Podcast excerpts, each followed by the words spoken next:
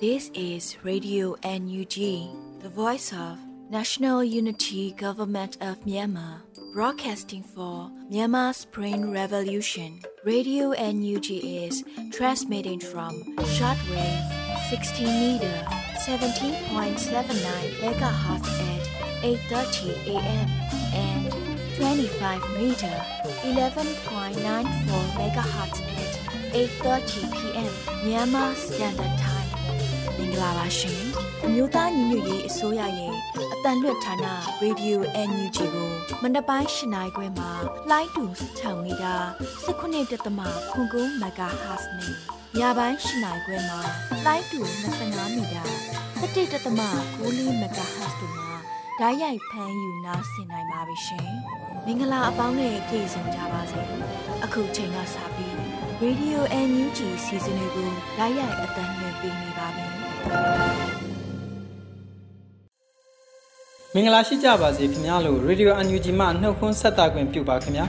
အန်ဒီရဲ့တော်တော်ဝန်းရံနေတဲ့ကြားမှာပဲဘေးကင်းလုံခြုံကြဖို့ကြားမှာရေကယူစိုက်ကြဖို့ကိုလည်းဆုတောင်းပေးလိုက်ပါရစေ Radio UNG ရဲ့အော်တိုဘလ25ရက်မနက်ခင်းအစီအစဉ်တွေကိုစတင်ဖို့ချိန်ကြာရောက်လာပါပြီကျွန်တော်ကတော့လွတ်လပ်နေဦးပါအခုချိန်ကစပြီးကာကွယ်ရေးဝန်ကြီးဌာနရဲ့စစ်ရေးတရင်အကျဉ်းချုပ်တွေကိုစောတဲလူနေက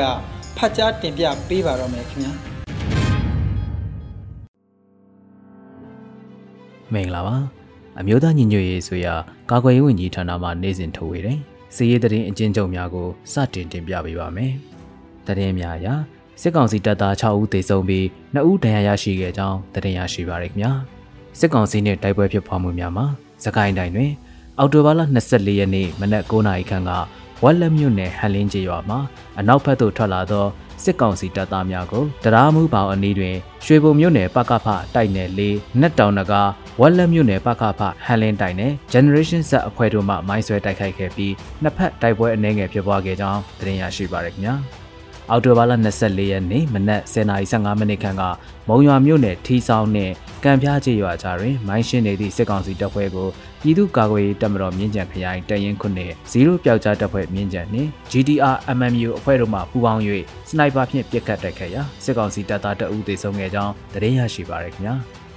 အော်တိုဘာလ24ရက်နေ့ကထီချိုင်မြို့နယ်အလဲကုံကျေးရွာအနီးတွင်စစ်ကောင်စီတပ်သားများနှင့်ကာကွယ်ရေးတပ်ဖွဲ့များထိတွေ့တိုက်ပွဲဖြစ်ပွားခဲ့ကြောင်းသတင်းရရှိပါရခင်ဗျာ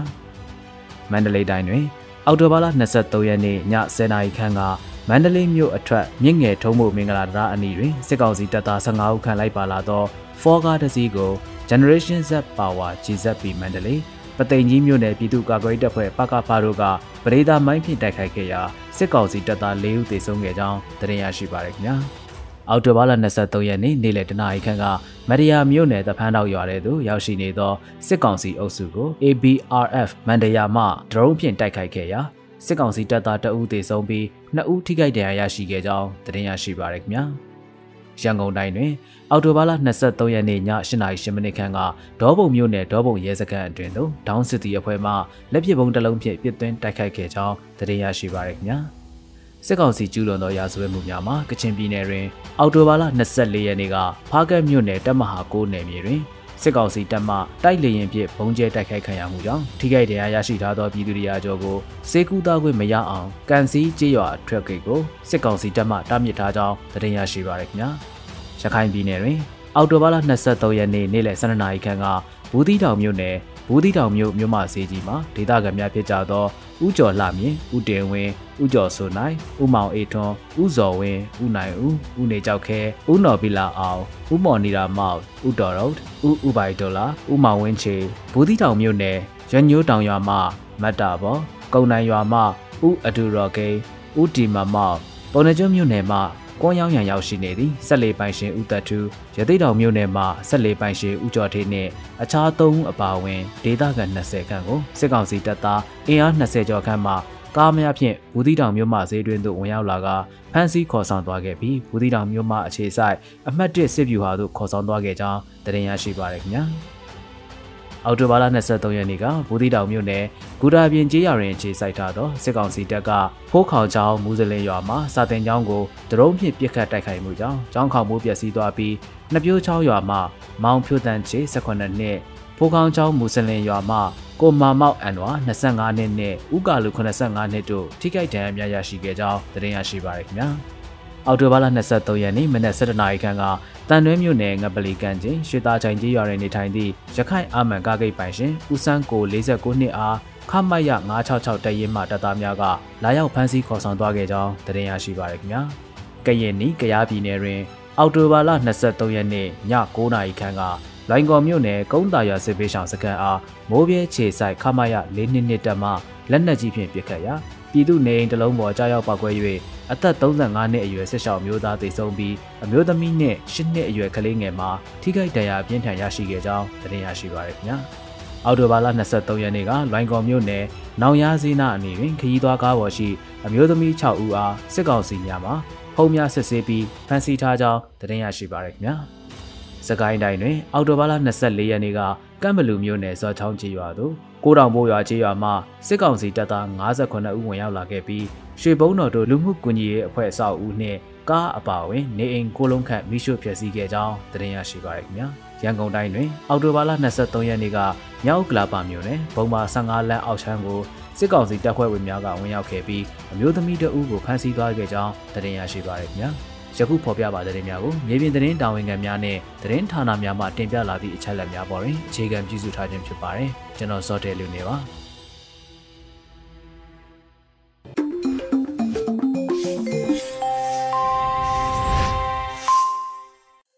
အမျိုးသားညီညွတ်ရေးအစိုးရရဲ့ Radio UNG မှဆက်လက်အတန်လှွင့်ပေးနေပါတယ်အခုတဖန်နားဆင်ရမှာကနောက်ဆုံးရသတင်းများပဲဖြစ်ပါတယ်ຫນွေဦးမိုင်ကဖတ်ကြားထားပါတယ်ခင်ဗျာမင်္ဂလာမနက်ခင်းပါရှင်အခုချိန်ကစပြီး Radio UNG ရဲ့မနက်ခင်းသတင်းများကိုတင်ပြပေးပါတော့မယ်ကျွန်မຫນွေဦးမိုင်ပါအကြံဖက်စစ်ကောင်စီလိုရက်များအမြန်ဆုံးရပ်တန့်နိုင်ရေးကမ္ဘာကုလသမဂ္ဂအပါအဝင်နိုင်ငံတကာအတိုက်ဝန်းနေဖြင့် ထိရောက်သောအရေးယူဆောင်ရွက်မှုများအမြန်ဆုံးဆောင်ရွက်ကြရန်အမျိုးသားညီညွတ်ရေးအစိုးရတိုက်တွန်းတောင်းဆိုတဲ့သတင်းကိုဥစွာတင်ပြပေးပါမယ်။အကြံဖက်စစ်ကောင်စီလိုရက်များအမြန်ဆုံးရပ်တန့်နိုင်ရေးကမ္ဘာကုလသမဂ္ဂပါဝင်နိုင်ငံတကာအတိုက်ဝန်းနေဖြင့်ထိရောက်သောအရေးယူဆောင်ရွက်မှုများအမြန်ဆုံးဆောင်ရွက်ကြရန်အမျိုးသားညီညွတ်ရေးအစိုးရတိုက်တွန်းတောင်းဆိုလိုက်ပါတယ်။အောက်တိုဘာလ23ရက်နေ့ည8နာရီခွဲဝန်းကျင်တွင်ကချင်လွတ်မြောက်ရေးတပ်မတော် KIA တပ်မဟာကိုအနံ့ပါ၌ အောက်တိုဘာလ25ရက်နေ့တွင်ကြာရောက်မိ62နှစ်မြောက်ကချင်လွတ်လပ်ရေးအဖွဲ့ချုပ် KIO နှင့်ထိမှတ်ပွဲအကျိုးတေဂီတာဖြောဖြေပွဲပြုလုပ်နေစဉ်အကြမ်းဖက်စစ်ကောင်စီကရက်လေရင်လေးစီဖြင့်ဘုံကျဲတိုက်ခိုက်ခဲ့ရာအနုပညာရှင်ချိုးနဲ့ပြည်သူအများပြားထိခိုက်သေးဆုံးခဲ့ရသည်ဟုကနဦးသိရှိရပါတယ်လို့ဖော်ပြပါတယ်။အကြမ်းဖက်စစ်အုပ်စုဟာပြည်သူအာဏာကိုမတရားလူယူခဲ့သည့်ကာလအတွင်းတိုင်းသားနယ်မြေများအပါအဝင်မြန်မာနိုင်ငံတဝန်းလုံးတွင်ပြည်သူလူထုကိုပြစ်မှတ်ထား၍ လေကြောင်းတိုက်ခိုက်မှုအကြိမ်ပေါင်း240နီးပါးပြုလုပ်ခဲ့ပြီးအဆိုပါတိုက်ခိုက်မှုများတွင်အယက်သားပြည်သူ200ကျော်တေဆုံးခဲ့ရကပြည်သူလူထု၏နေများဘာသာရေးအဆောက်အအုံများလည်းထိခိုက်ပျက်စီးဆုံးရှုံးခဲ့ရပါတယ်လို့ဆိုပါတယ်။အကြမ်းဖက်စစ်အုပ်စုဟာ2022ခုနှစ်စက်တင်ဘာလ16ရက်နေ့တွင်ဒီပဲရင်မြို့နယ်လက်ရက်ကုန်းကျေးရွာတွင်ကလေးငယ်များစာတင်ကြားနေသောစာတင်ကျောင်းကိုစစ်ရဟရင်များဖြင့်ရည်ရွယ်ချက်ရှိရှိပြစ်ခတ်မှုကြောင့် ကလေးငယ်9ဦးအပါအဝင်စုစုပေါင်း14ဦးသေဆုံးခဲ့ရသည့်ဖြစ်ရပ်ပြီးတလကျော်ကာလအတွင်းပြည်သူအများပြားရှိနေသောဂီတဖျော်ဖြေပွဲကိုရည်ရွယ်ချက်ရှိရှိဖြင့်လေကြောင်းမှပုံကျဲကလူအစုလိုက်ပြုံးလိုက်တပ်ဖြတ်မှုကိုထပ်မံကျူးလွန်လိုက်ခြင်းဖြစ်တယ်လို့ဆိုပါတယ်။ဂျနီဗာသဘောတူစာချုပ်ပြဋ္ဌာန်းချက်တွင်စစ်ရေးစစ်ရာကိစ္စများ၏အစိတ်ပိုင်းဖြင့်ပါဝင်ပတ်သက်နေခြင်းမဟုတ်လေအယက်သားပြည်သူများသည်တိုက်ခိုက်ခံရခြင်းဘေးမှအကာအကွယ်ရရှိစေရမည်ဟုပြဋ္ဌာန်းထားသောကြောင့် အကြမ်းဖက်စစ်ကောင်စီလိုရက်သည်နိုင်ငံတကာဥပဒေများကိုချိုးဖောက်နေခြင်းဖြစ်ကြောင်းပေါ်လွန်ထင်ရှားတယ်လို့ဖော်ပြပါတယ်။အမျိုးသားညီညွတ်ရေးအစိုးရအနေဖြင့်အကြမ်းဖက်စစ်ကောင်စီစစ်ရာဇဝတ်မှုလူအစုလိုက်ပြုံးလိုက်တပ်ဖြတ်မှုများအတွင်ကြာဆုံးခဲ့ကြရသောတိုင်းသားပြည်သူများအတွက်များစွာဝန်내ကြေကွဲရပါကြောင်းနဲ့လူသားမျိုးနွယ်ဆိုပေါ်ကျူးလွန်သည့်ရာဇဝတ်မှုများစစ်ရာဇဝတ်မှုများကိုနေ့စဉ်ရက်ဆက်ကျူးလွန်နေသည့်အကြမ်းဖက်စစ်ကောင်စီလိုရက်များအမြန်ဆုံးရပ်တန့်နိုင်ရေး ကမ္ဘာကုလသမဂ္ဂပါဝင်နိုင်ငံတကာအတိုင်းဝန်းနေဖြင့်ထိရောက်သောအရေးယူဆောင်ရွက်မှုများအမြန်ဆုံးဆောင်ရွက်ကြရတဲ့လူထုလူဒန်းစဖွဲ့စည်းအသီးသီးအနေဖြင့်လဲနီလန်းပေါင်းစုံဖြင့်အဆိုပါလူရအားဆန့်ကျင်ကြောင်းတောင်းဆိုလှုံ့ဆော်မှုများပြုလုပ်ပေးကြရန်တိုက်တွန်းလိုက်ပါတယ်လို့ဆိုပါတယ်ရှင်။ကချင်ပြည်နယ်လေးချောင်းတိုက်ခိုက်မှုလိုမျိုးအဖြစ်ဆိုးမျိုးနိုင်ငံတော်၏မိတိအစိတ်ပိုင်းတွေမှထပ်မံမပစ်ပွားစေရန်မဟာမိတ်အဖွဲ့အစည်းများနဲ့လက်တွဲက စစ်အာဏာရှင်ကိုတိုက်ထုတ်မယ်လို့ကာကွယ်ဝင်ကြီးဌာနဆိုလိုက်တဲ့သတင်းကိုဆက်လက်တင်ပြပေးပါမယ်။ကချင်ပြည်နယ်လေးချောင်းတိုက်ခိုက်မှုလိုမျိုးအဖြစ်ဆိုမျိုးနိုင်ငံတော်၏မိတိအစိတ်ပိုင်းတွေမှထပ်မံမဖြစ်ပွားစေရန်မဟာမိတ်အဖွဲ့အစည်းများနဲ့လက်တွဲကစစ်အာဏာရှင်ကိုတိုက်ထုတ်မယ်လို့ကာကွယ်ဝင်ကြီးဌာနကဆိုပါတယ်။အောက်တိုဘာ24ရက်နေ့အမျိုးသားညီညွတ်ရေးအစိုးရကာကွယ်ဝင်ကြီးဌာနကပေးပို့သောဝန်နေကျောင်းတဝန်လွှာမှာပေါ်ပြပါရှိပါတယ်။ 2022ခုနှစ်အောက်တိုဘာလ23ရက်နေ့ည8နာရီခွဲအချိန်ခန့်ကကချင်ပြည်နယ်ဖားကန့်မြို့နယ်အနံပါတပ်စခန်းတွင်ကချင်လွတ်လပ်ရေးအဖွဲ့ Kachin Independence Organization ဖွဲ့စည်းတည်ထောင်ခြင်းအချိန်မှအကျိုးအခမ်းအနားကျင်းပနေချိန်တွင်အာနာသိန်းအကြံဖက်စစ်ကောင်စီ၏တိုက်လေရင်များဖြင့်လာရောက်ပစ်ခတ်မှုကြောင့်အပြစ်မဲ့ပြည်သူများအမှုပညာရှင်များစစ်သေးတို့များကြာဆုံးခဲ့ကြောင်းကြားသိရသည့်အတွက်များစွာဝန်နေကြေကွဲရပါတယ်လို့ဆိုပါတယ်။ အာနာသိန်းအကြမ်းဖက်စစ်ကောင်စီ၏ယခုလုပ်ရက်သည်ရည်ရွယ်ချက်ရှိရှိလှုံ့ဆော်သောစစ်ရာဇဝတ်မှုဖြစ်သည်ဟုကျွန်တော်တို့ကာကွယ်ဝင်ကြီးဌာနကမှတ်ယူတယ်လို့ဖော်ပြပါတယ်။အမျိုးသားညီညွတ်ရေးအစိုးရကာကွယ်ဝင်ကြီးဌာနအနေဖြင့်ကြဆုံးသွားရသောအပြစ်မဲ့ပြည်သူများအမှုပညာရှင်များစစ်တေတော်မိသားစုဝင်များ၏ကြေကွဲရမှုများကို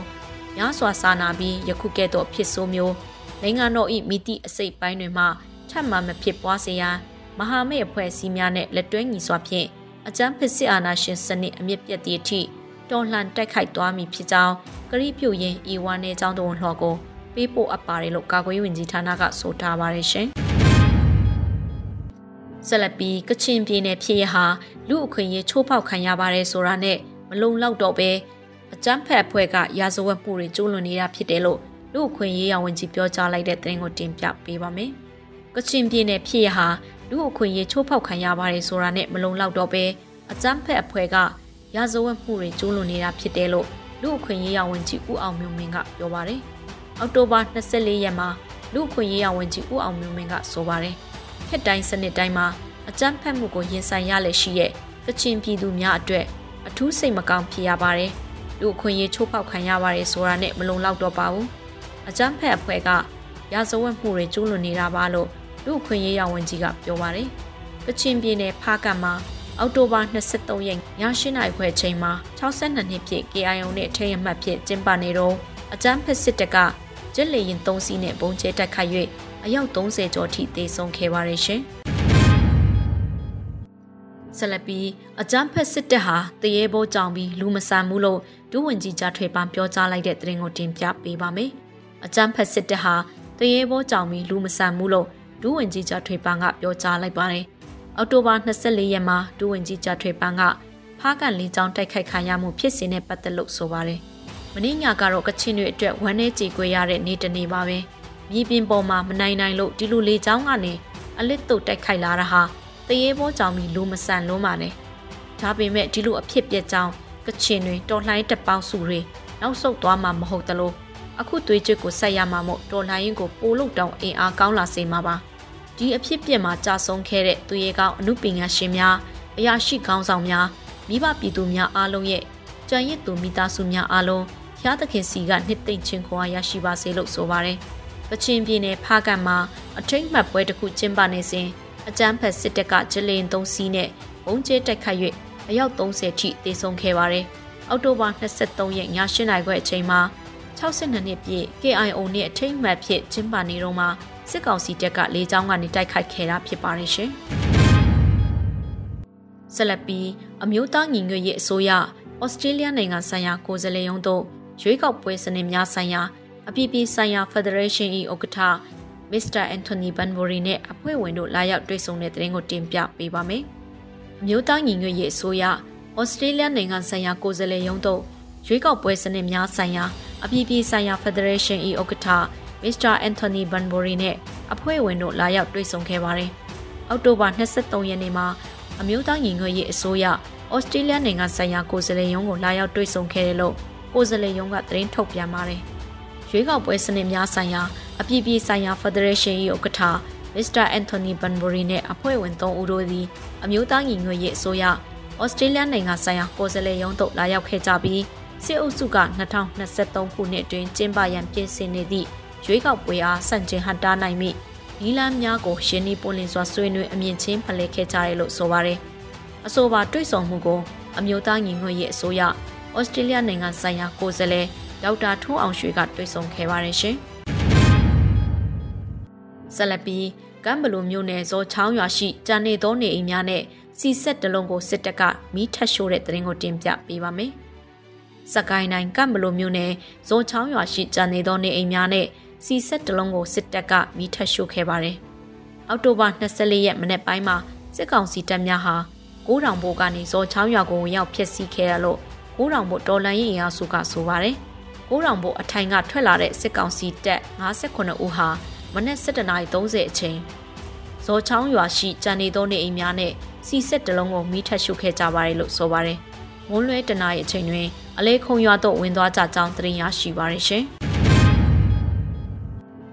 ဆက်လက်ပြီးပသိမ်အချင်းထောင်တွင်ဖမ်းဆီးထိန်သိမ်းခြင်းခံထားရသောနိုင်ငံရေးအကျဉ်းသားတဦးအသက်ရှူချက်သေဆုံးတဲ့သတင်းကိုတင်ပြပေးပါမယ်။ပသိမ်အချင်းထောင်တွင်ဖမ်းဆီးထိန်သိမ်းခြင်းခံထားရသောနိုင်ငံရေးအကျဉ်းသားတဦးအသက်ရှူချက်သေဆုံးခဲ့တယ်လို့သတင်းရရှိပါရယ်။ရာဝရီတိုင်းပသိမ်အချင်းထောင်တွင်ဖမ်းဆီးထိန်သိမ်းခြင်းခံထားရသောနိုင်ငံရေးအကျဉ်းသားဦးဆန်းအေးသည်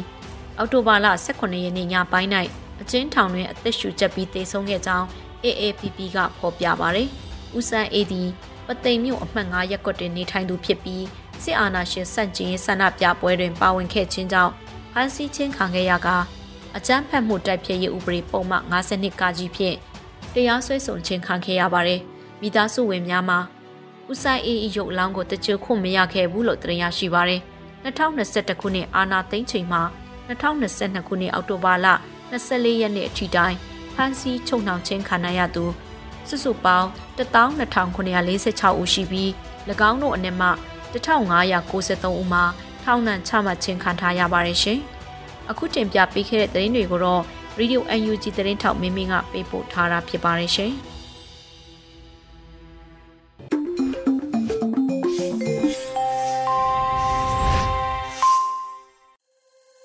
ရေဒီယို UNG ရဲ့အော်တိုဘာလ25ရက်မနက်ခင်းသတင်းတွေကိုနားဆင်ခဲ့ကြရတာပါဆက်လက်ပြီးရဲဘော်မင်းမင်းရေးသားပြီးမြနှင်းရည်လွင်ဖတ်ကြားထားတဲ့အမေတို့အမိရတဲ့တော်လိုင်းကြပြတဲ့ပုတ်ကိုနားဆင်ခံစားတော်မူကြပါအောင်ခင်ဗျာအမေကိုမပေးဖြစ်တော့ကြပြလေအမေလူတစုပေါ့တိုင်းပြည်ကိုနင်းလူကောင်းတွေကိုရှင်းအာနာလန်းကိုခင်းခဲ့ကြအမေ သူတို့ကတိတ်ရက်ဆက်တယ်တိုင်းပြည်ကိုဖျက်သူတို့အမျက်ထွက်ဖို့သားတငယ်ချင်းတွေကိုလည်းတတ်ခဲ့ကြအမေအမေသားလူမိုက်တိုင်းပြည်ကိုကဲအာနာယူတွေကိုဖယ်ဖို့စရိုက်လဲတူတဲ့တငယ်ချင်းတွေနဲ့တိုက်ပွဲအတူဝင်လေအမေအမေကိုလွမ်းအမေပါးလေးကိုနမ်းကျင်လို့အမေသားလူချမ်းတနတ်ကိုထမ်းအနာဂတ်ကိုမှန်းလို့ခယော င်းလန်းကိုလှမ်းလိုက်အောင်အမေအမေသားလူမိုက်တိုက်ခိုက်ရင်ကြခင်အမေမငုံနဲ့သားအတွက်ခုံယူပုံတူလေးဧကန်းမှာချိတ်ထားပြီးအမေဒါကအမေကိုမပေးဖြစ်တဲ့ကြပြလေးတခါလေးများအခွင့်ကြုံအမေရင်ဝင်ကိုခု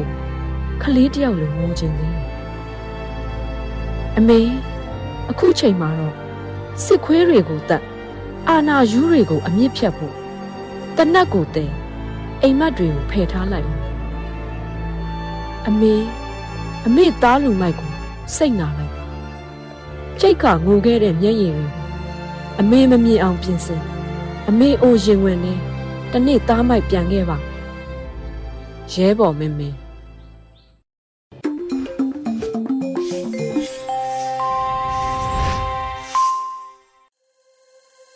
အခုတပံပြည်သူခုခံစစ်တရင်များကိုတော့ຫນွေဦးလင်းကဖတ်ကြားထားပါတယ်ခင်ဗျာပထမဦးစွာမလိုက်မျိုးတရက်ကောင်းပင်ရွာမှာတက်ဆွဲထားတဲ့စစ်တပ် drone ဖြင့်ဘုံတိချတိုက်ခတ်ခံပြီးနှစ်ဦးသေဆုံးတဲ့တဲ့ရင်ကိုတင်ဆက်ပါမယ်။စကိုင်းတိုင်းမလိုက်မြို့နယ်တွင်အကြမ်းဖက်စစ်တပ်တက်ဆွဲထားသောနေရာကို NPDF အဖွဲ့က drone ဖြင့်ဘုံတိချတိုက်ခတ်ခဲ့ကြောင်းသိရပါတယ်။ အော်တိုဘာလ21ရက်နေ့ညနေ4နာရီဝန်းကျင်ခန့်အချိန်တွင်တရက်ကောင်းပင်ချီရွာ၌တက်ဆွဲထားသောအကြမ်းဖက်စစ်တပ်ကို NPDF အဖွဲ့က drone ဖြင့်ဘုံတိချတိုက်ခတ်ခဲ့ပြီးနှစ်ဦးပွဲချင်းပြီးတေဆုံးကြောင်းနထိုးကြီး People Defense Force အဖွဲ့ကထုတ်ပြန်ထားတာပါဆက်လက်ပြီးပခုတ်ကူတွေစစ်ရေးလှုပ်ဆောင်နေသောစစ်သားများကို မိုင်းဆွဲတိုက်ခိုက်ခံရပြီးနှစ်ဦးတေဆုံးတဲ့တဲ့ရင်ကိုတင်ဆက်မှာပါမကွေးတိုင်း ပခုတ်ကူမြို့နယ်တွင်စစ်ရေးလှုပ်ဆောင်နေသောစစ်သားများမိုင်းဆွဲတိုက်ခိုက်ခံရပြီးနှစ်ဦးသေဆုံးခဲ့ကြောင်းသိရပါတယ်။အော်တိုဘာလ23ရက်နေ့နနက်10:30မိနစ်တွင်ပခုတ်ကူမြို့ပတ်လမ်းနဲ့မြို့တစ်လမ်းစုံတွင်စီရေးလှုပ်ဆောင်နေတဲ့စစ်သားများကိုဒေသခံကာကွယ်တပ်ဖွဲ့များကရှေ့တော်မိုင်းနှလုံးဖြင့်ဖောက်ခွဲတိုက်ခတ်ခဲ့ပြီးစစ်သား2ဦးသေဆုံးကြောင်းသိရပါတယ်။နောက်ဆုံးအနေနဲ့ကော့ဂရစ်ခရိုင်ရဲစခန်းနဲ့ခလာရ60ခွန်ကို drone ဖြင့်ပုံကျဲမှုစစ်သား3ဦးသေဆုံးတဲ့တဲ့ရင်ကိုဆက်လက်တင်ဆက်မှာပါ။အော်တိုဘာလ23ရက်နေ့ညနေ4:55မိနစ်ချိန်တွင်ကရင်ပြည်နယ်ကော့ဂရိရှိခရိုင်ရဲစခန်းနှင့်ခလာရ60ခွန်တပ်များကို drone ဖြင့်ဘုံကျဲတိုက်ခိုက်ရာစစ်သား3ဦးသေဆုံးကြောင်း Lion Battalion Commando Special Force စစ်ကြောင်းကသတင်းထုတ်ပြန်ပါတယ်။မဟာမိတ် drone တပ်ပေါင်းစုများကတော့ကော့ဂရိတ်မြို့တွင်ရှိအကြမ်းဖက်စစ်ကောင်စီတပ်များတပ်ဆွဲထားသည့် ခရိုင်ရဲစခန်းနှင့်ခလာရ60ခွန်တပ်များရှိရာသို့ drone ဖြင့်ဘုံကျဲတိုက်ခတ်ခဲ့ရာတိုက်ခိုက်ချိန်မိနစ်40ခန့်ကြာမြင့်ခဲ့ပြီးစစ်ကောင်စီဘက်မှ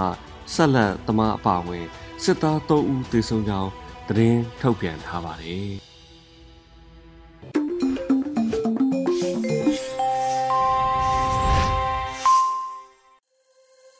တော်တာရှင်များခင်ဗျာ အခုတပန်လှည့်ကြလာတာကတော့တော်လိုင်းတီးဂီတအစီအစဉ်ဖြစ်ပါတယ်တေးဆိုဘာမာရီဗိုရဲ့ No I'm not band ဆိုတဲ့တော်လိုင်းတီးဂီတတစ်ပုဒ်ကိုနားဆင်ကြရပါတော့မယ်ခင်ဗျာ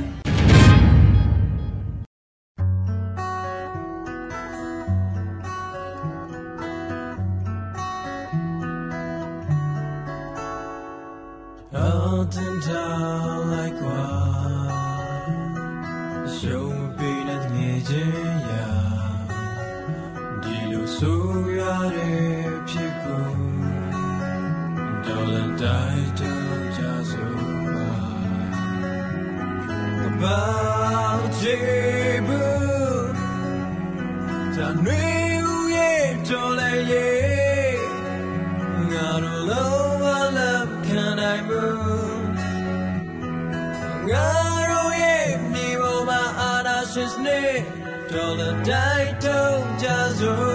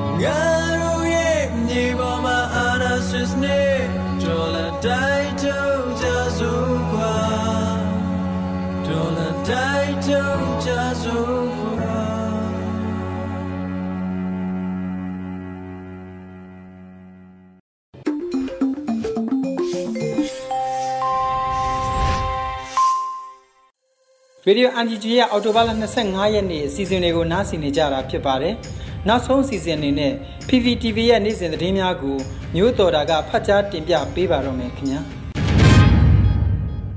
အခုချိန်ကစပြီး PVTV သတင်းတွေကိုတင်ဆက်ပေးတော့မှာပါ။ကျွန်မမျိုးတော်တာပါ။ပထမဆုံးတင်ဆက်ပေးမယ့်သတင်းကတော့မကွေးတိုင်းအတွင်းမှာအကြံဖက်စစ်တပ်က စစ်ပေးချောင်ပြည်သူတွေရဲ့တဲတွေကိုမိရှို့ဖျက်ဆီးမှုတွေပြုလုပ်နေတဲ့ဆိုတဲ့သတင်းမှာ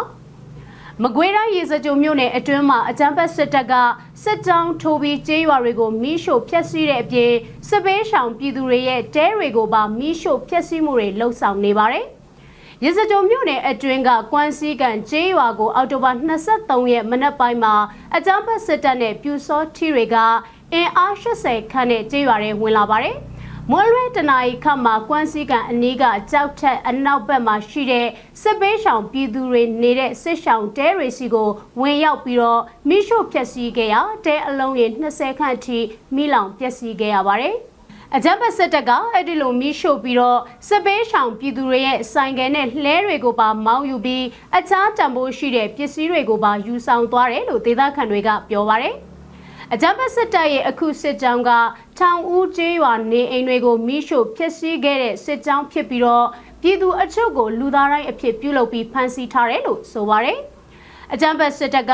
အော်တိုဘာလဆန်ကလေးကစပြီးတော့ပကုတ်ကူခရိုင်အတွင်းမှာပကုတ်ကူရေစကြိုမြောင်ပေါက်နယ်တွေမှာရှိတဲ့ကျေးရွာတွေကိုစစ်ကြောင်းထိုးဖျက်ဆီးမှုတွေပြုလုပ်နေတဲ့အတွက်ဒေသခံပြည်သူအများအပြားထွက်ပြေးတိမ်းရှောင်နေကြရပါတယ်။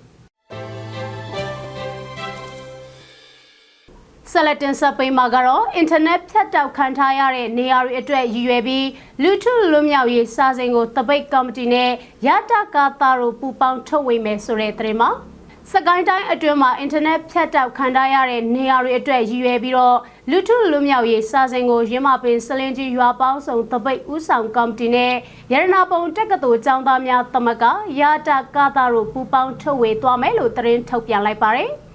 အင်တာနက်ဖြတ်တောက်ခံထားရတဲ့ဒေသတွေမှာရှိတဲ့လူထုနဲ့တနိုင်ငံလုံးကပြည်သူတွေအကြားပေါင်းကူပေးနိုင်မဲ့စာစဉ်တရက်ကိုရင်းမပင်စလင်ကြီးရွာပေါင်းစုံတပိတ်ဥဆောင်ကော်မတီနဲ့ရတနာပုံတက္ကသိုလ်ကျောင်းသားများတမကရတကားသားတို့တွဲဆုံပြီးဆုံးဖြတ်ခဲ့ကြတာလို့ထုတ်ပြန်ချက်မှာဖော်ပြထားပါတယ်ရမပင်စလင်းကြီးကိုဥတီထားတဲ့အင်တာနက်ဖြတ်တောက်တဲ့ဒေသအလုံးကိုစ조사ဖြန့်ဝေသွားမယ်လို့ရတကာသာအဖွဲ့ဝင်တဦးကပြောပါရယ် လူထုလွတ်မြောက်ရေးစာစဉ်မှာအင်တာနက်ဖြတ်တောက်ခံရတဲ့ဒေသတွေကလူထုလှုပ်ရှားမှုတွေဒေသခံကောင်းဆောင်တွေနဲ့တက်ကြွလှုပ်ရှားသူတွေရဲ့အတွေ့အမြင်တွေစကားသံတွေဖက်ဆက်စစ်တပ်ရဲ့လူအခွင့်ရေးချိုးဖောက်မှုတွေကိုစာစဉ်ရဲ့လူမှုကွန်ရက်စာမျက်နှာကနေလည်းပြည်သူကိုအစီရင်ခံသွားမှာဖြစ်တယ်လို့ဆိုပါတယ်။စာစဉ်ကိုတော့ဒေသခံတော်လှန်ရေးအဖွဲ့အစည်းတွေရဲ့အကူအညီနဲ့ဖြန့်ဝေသွားမှာဖြစ်ပါတယ်။ အကြံပတ်စစ်တပ်ကခုခံတော်လှန်စစ်အားကောင်းတဲ့ဒေသတွေကိုအင်တာနက်ဖြတ်တောက်ထားတာတစ်နှစ်ကျော်နေပြီဖြစ်ပြီးတော့ဒေသခံပြည်သူတွေကတော်လှန်ရေးအင်အားစုတွေထုတ်ဝေတဲ့စာစဉ်တွေကိုသာအားကိုအားထားနဲ့ဖတ်ရှုနေကြရတာပါကျေးဇူးတင်ပါတယ်ရှင်